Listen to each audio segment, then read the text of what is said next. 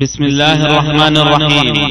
يسر شبكة الألوكة بالتعاون مع المكتبة المركزية للكتب الناطقة. أن تقدم لكم هذه المادة. تفسير سورة الواقعة لابن كثير. وروى مسلم من حديث أبي الزبير عن جابر نحوه. وقال الإمام أحمد حدثنا علي بن بحر حدثنا هشام بن يوسف أخبرنا معمر عن أبي يحيى بن أبي كثير عن عامر بن زيد البكالي أنه سمع عتبة بن عبد السلمي يقول جاء أعرابي إلى رسول الله صلى الله عليه وسلم فسأله عن الحوض وذكر الجنة ثم قال الأعرابي فيها فاكهة. قال نعم وفيها شجرة تدعى طوبة قال فذكر شيئا لا أدري ما هو. قال أي شجر أرضنا تشبه؟ قال ليست تشبه شيئا من شجر أرضك. فقال النبي صلى الله عليه وسلم أتيت الشام؟ قال لا. قال تشبه شجرة بالشام تدعى الجوزة تنبت على ساق واحد وينفرش أعلاها. قال ما عظم العنقود؟ قال مسيرة شهر للغراب الأبقع لا يفتر. قال وعظم أصلها. قال لما ارتحلت جذعة من إبل أهلك ما أحاطت بأصلها حتى تنكسر ترقوتها هرما. قال فيها عنب؟ قال نعم. قال فما عظم الحبة؟ قال هل ذبح أبوك تيسا من غنمه قط عظيما؟ قال نعم. قال فسلخ إهابه فأعطاه أمك. فقال اتخذي لنا منه دلوة؟ قال نعم. قال الأعرابي فإن تلك الحبة لتشبعني وأهل بيتي.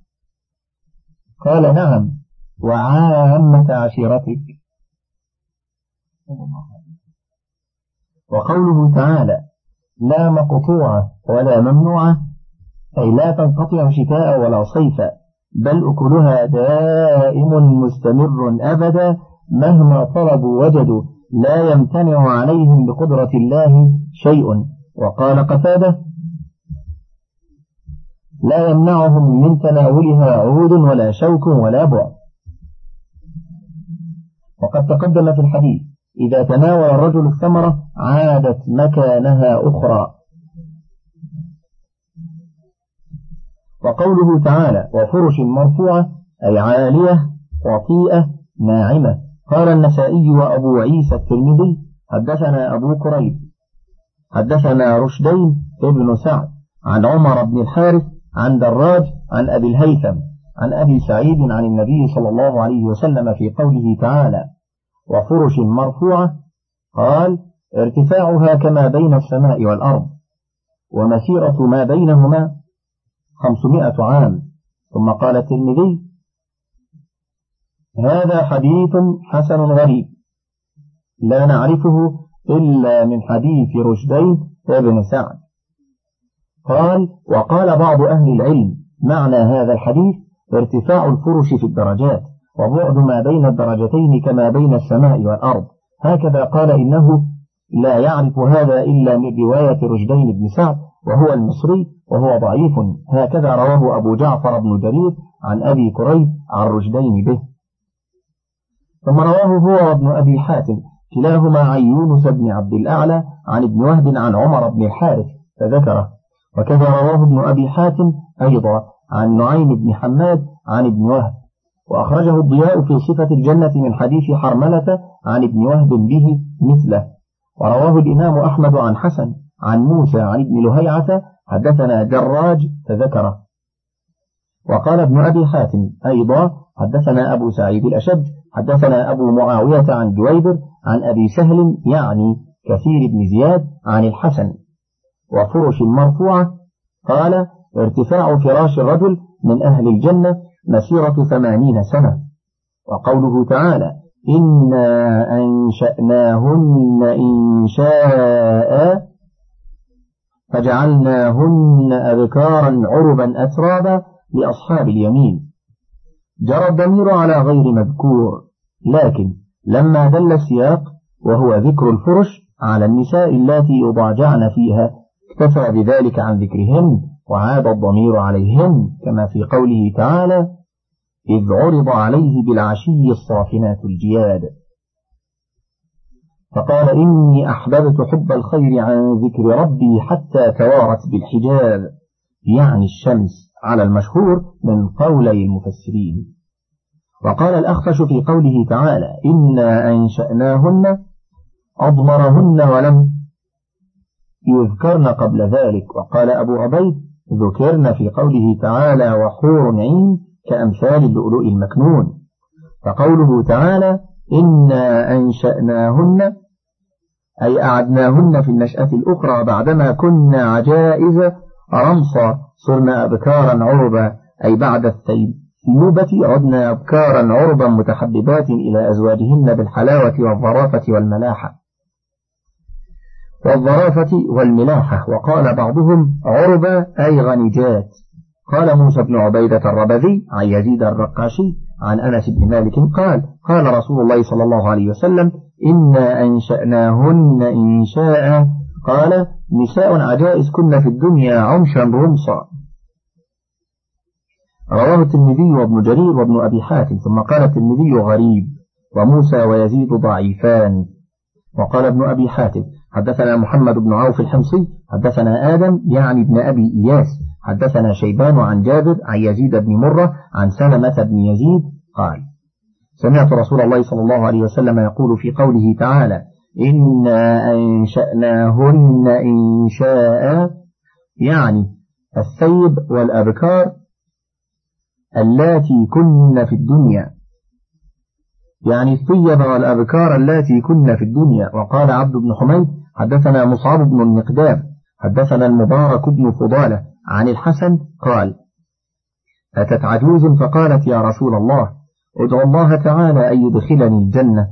فقال يا أم فلان إن الجنة لا تدخلها عجوز. قال فولت تبكي قال أخبروها أنها لا تدخلها وهي عجوز. إن الله تعالى يقول إنا أنشأناهن إنشاء فجعلناهن أبكارا.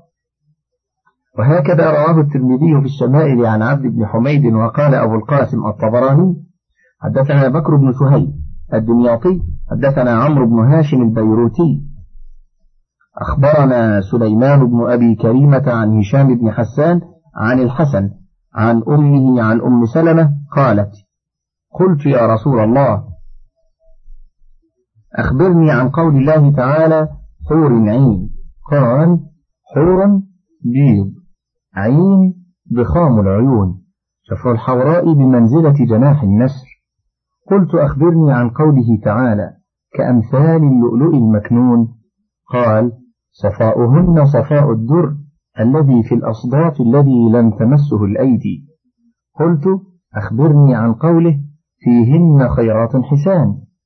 قال خيرات الأخلاق حسان الوجوه.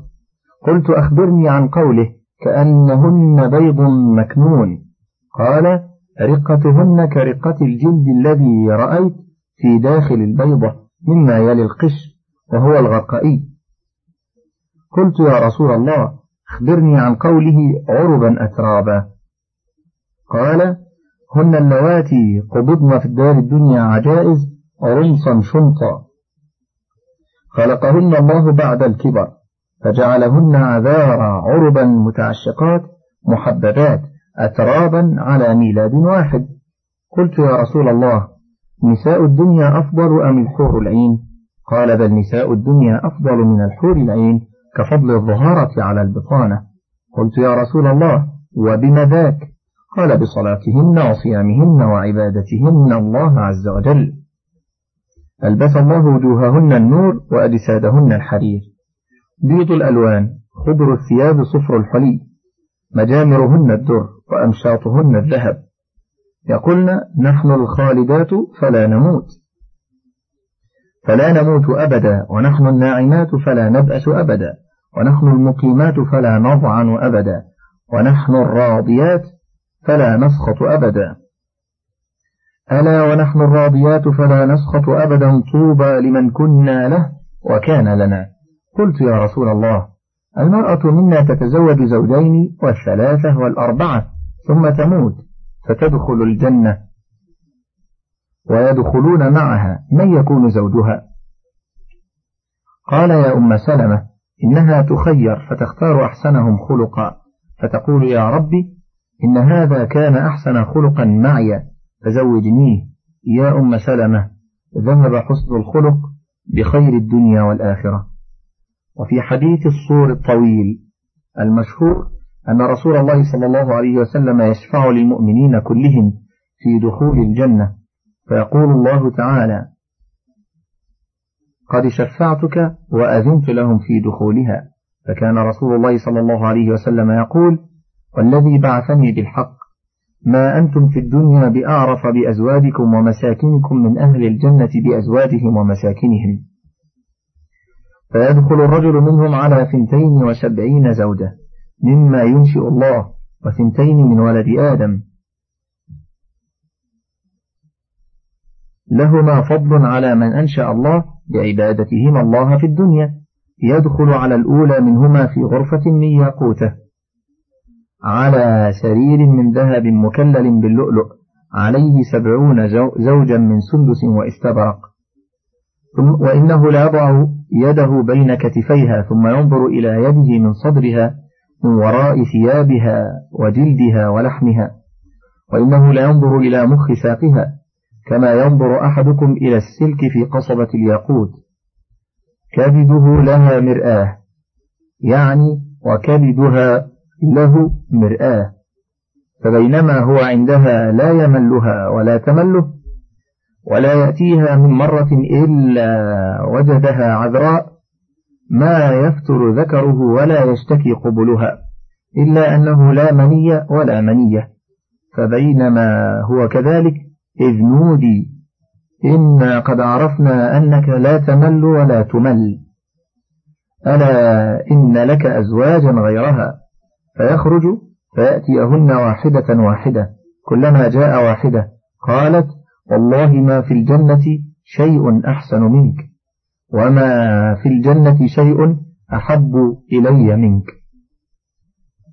فقال عبد الله بن وهب أخبرني عمرو بن الحارث عن دراج عن ابن حجيرة عن أبي هريرة عن رسول الله صلى الله عليه وسلم أنه قال له أنطأ في الجنة؟ قال نعم. والذي نفسي بيده دحما دحما فإذا قام عنها رجعت مطهرة بكرا.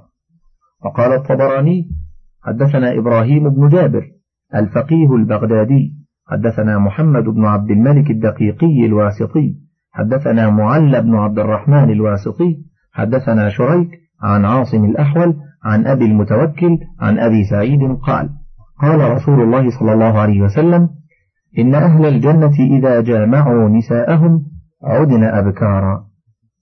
وقال أبو داود الطيالسي أخبرنا عمران عن قتادة عن أنس قال قال رسول الله صلى الله عليه وسلم يعطى المؤمن في الجنة قوة كذا وكذا في النساء. قلت يا رسول الله ويطيق ذلك؟ قال يعطى قوة مئة. ورواه الترمذي من حديث أبي داود وقال صحيح غريب. وروى أبو القاسم الطبراني من حديث حسين بن علي الجعفي عن زائدة عن هشام بن حسان عن محمد بن سيرين عن أبي هريرة قال قيل يا رسول الله هل نصل إلى نسائنا في الجنة؟ قال إن الرجل لا يصل في اليوم إلى مئة عذراء. قال الحافظ أبو عبد الله المقدسي هذا الحديث عندي على شرط الصحيح والله أعلم. وقوله عرب قال سعيد بن جبير عن ابن عباس يعني متحببات إلى أزواجهن. ألم ترى إلى الناقة الضبعة؟ هي كذلك. وقال الضحاك عن ابن عباس العرب العواشق لأزواجهن وأزواجهن لهن عاشقون. وكذا قال عبد الله بن سرجس ومجاهد وعكرمة وأبو العالية ويحيى بن أبي كثير وعطية والحسن وقتادة والضحاك وغيرهم. وقال ثور بن يزيد عن عكرمة قال سئل ابن عباس عن قوله عربا قال هي الملقة لزوجها. وقال شعبة عن سماك عن عكرمة هي الغنجة. وقال الأجلح بن عبد الله عن عكرمة هي الشكلة.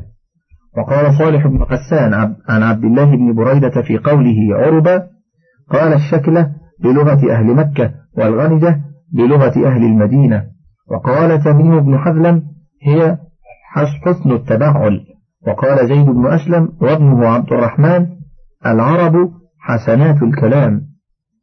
وقال ابن أبي حاتم وذكر عن سهل بن عثمان العسكري حدثنا أبو علي عن جعفر بن محمد عن أبيه عن جده قال قال رسول الله صلى الله عليه وسلم عربا قال كلامهن عربي وقوله أترابا.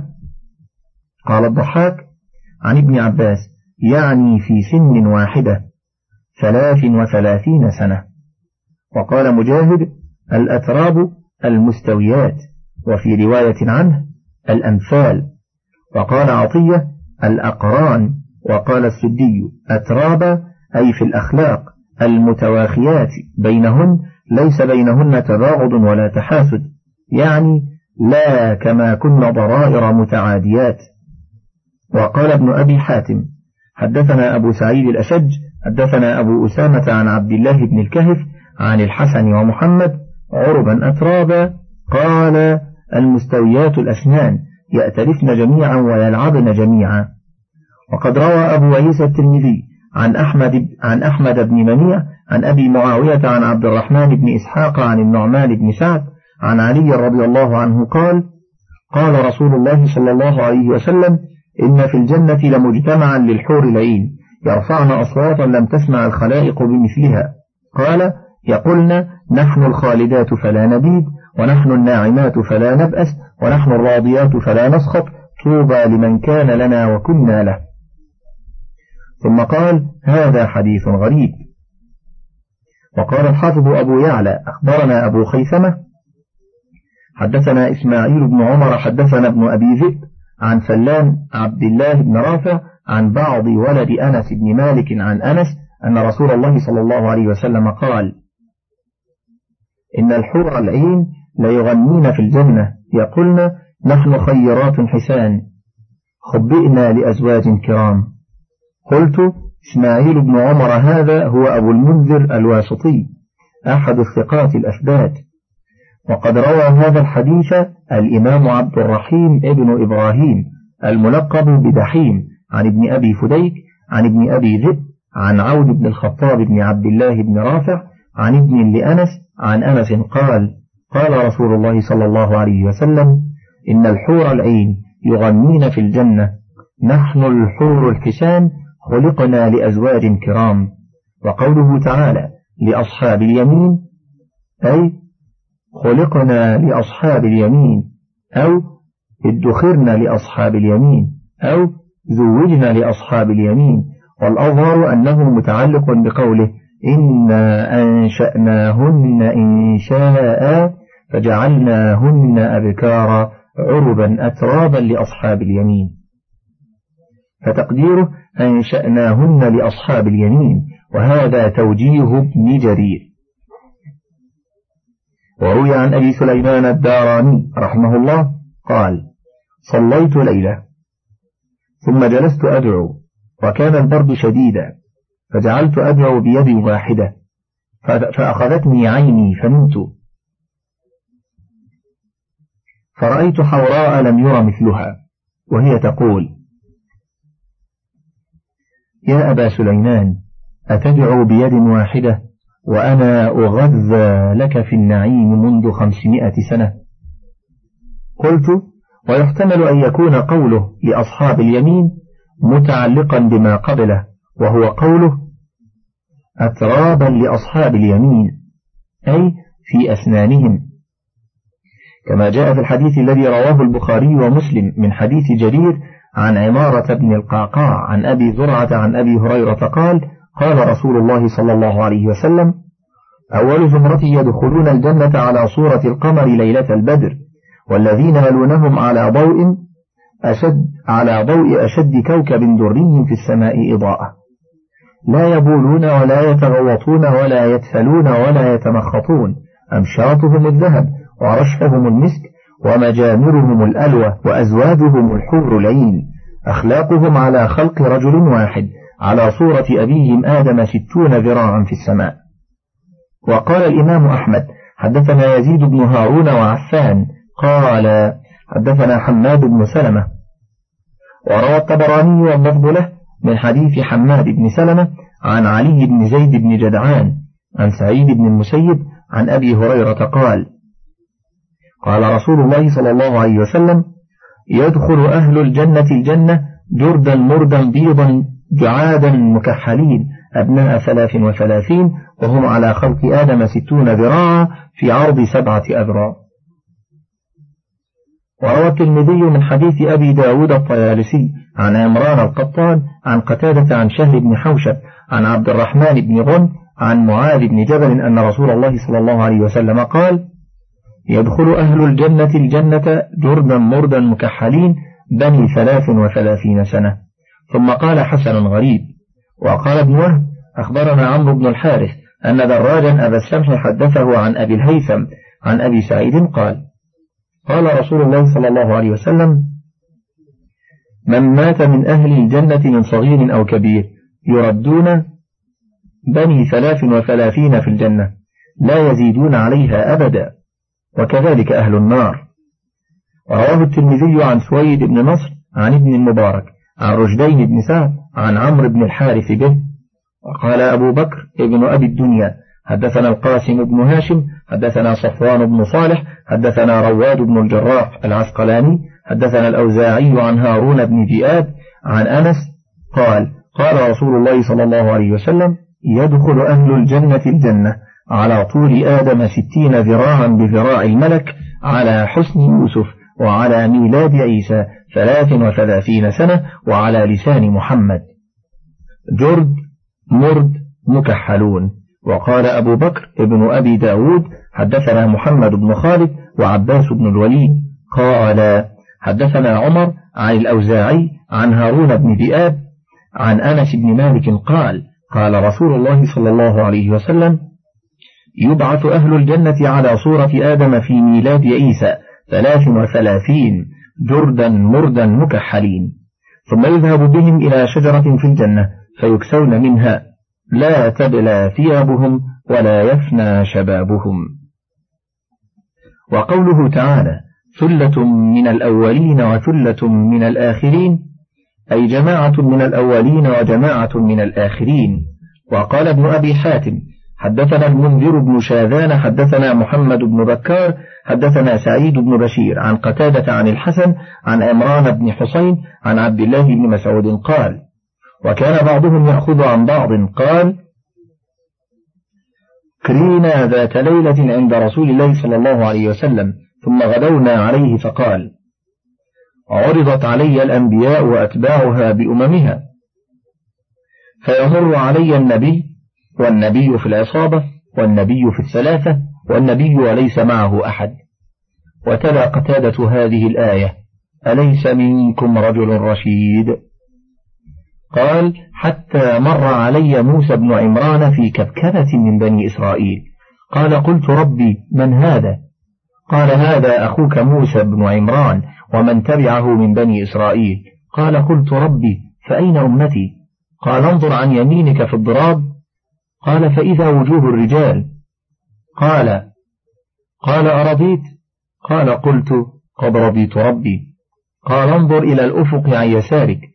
فإذا وجوه الرجال قال أرضيت؟ قلت قد رضيت ربي.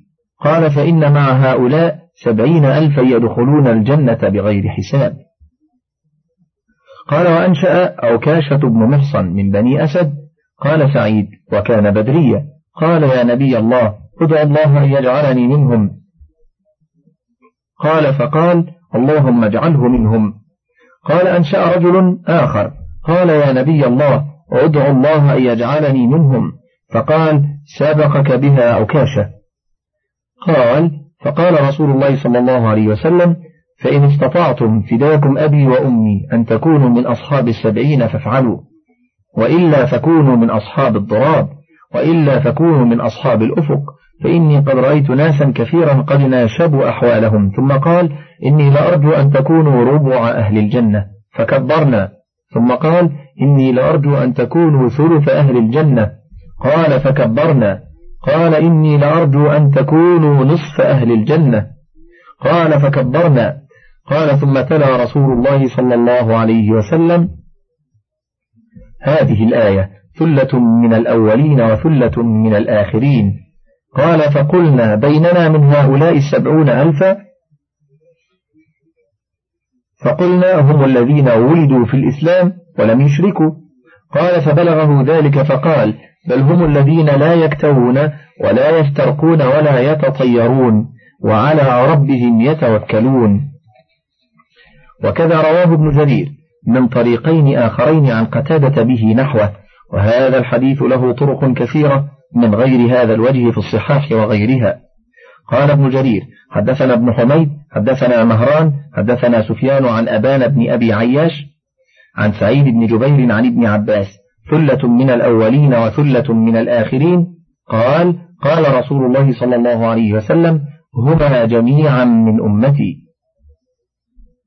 وأصحاب الشمال ما أصحاب الشمال في سموم وحميم.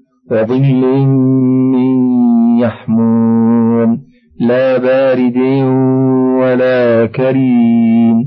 إنهم كانوا قبل ذلك مترفين وكانوا يصرون على الحنث العظيم وكانوا يقولون إذا متنا وكنا ترابا وعظاما. وكنا ترابا وعظاما أئنا لمبعوثون. أو آباؤنا الأولون. قل إن الأولين والآخرين لمجموعون إلى ميقات يوم معلوم. ثم إنكم أيها الضالون المكذبون لآكلون من شجر من زقوم فمالئون منها البطون فشاربون عليه من الحميم فشاربون شرب الهيم هذا نزلهم يوم الدين. لما ذكر تعالى حال أصحاب اليمين عطف عليهم بذكر أصحاب الشمال فقال وأصحاب الشمال ما أصحاب الشمال؟ أي أي شيء هم فيه أصحاب الشمال؟ ثم فسر ذلك فقال في سموم وهو الهواء الحار وحميم وهو الماء الحار. وظل من يحموم. قال ابن عباس ظل الدخان. وكذا قال مجاهد وعكرمة وأبو صالح وقتادة والسدي وغيرهم. وهذه كقوله تعالى انطلقوا إلى ما كنتم به تكذبون انطلقوا إلى ظل ذي ثلاث شعب لا ظليل. لا ظليل ولا يغني ولا يغني من اللهب إنها ترمي بشرر كالقصر كالقصر كأنه جمالة صفر ويل يومئذ للمكذبين. ولهذا قالها هنا وظل من يحموم وهو الدخان الأسود لا بارد ولا كريم أي ليس طيب الهبوب ولا حسن المنظر كما قال الحسن وقتاده ولا كريم أي ولا كريم المنظر. وقال الضحاك كل شراب ليس بعذب فليس بكريم. وقال ابن جرير العرب تتبع هذه اللفظة في النفي فيقولون هذا الطعام ليس بطيب ولا كريم. هذا اللحم ليس بسمين ولا كريم. هذه الدار ليست بنظيفة ولا كريمة. وكذا رواه ابن جرير من طريقين آخرين عن قتادة به نحوه. ثم ذكر تعالى استحقاقهم لذلك فقال تعالى إنهم كانوا قبل ذلك مترفين أي كانوا في الدار الدنيا منعمين مقبلين على لذات أنفسهم لا يلوون على ما جاءتهم به الرسل وكانوا يصرون أن يقيمون ولا ينمو ولا ينوون توبة على الحنث العظيم وهو الكفر بالله وجعل الأوثان والأنداد أربابا من دون الله. قال ابن عباس الحنث العظيم الشرك. وكذا قال مجاهد وعكرمة والضحاك وقتادة والسدي وغيرهم. وقال الشعبي هو اليمين الغموس. من فضلك تابع بقية المادة.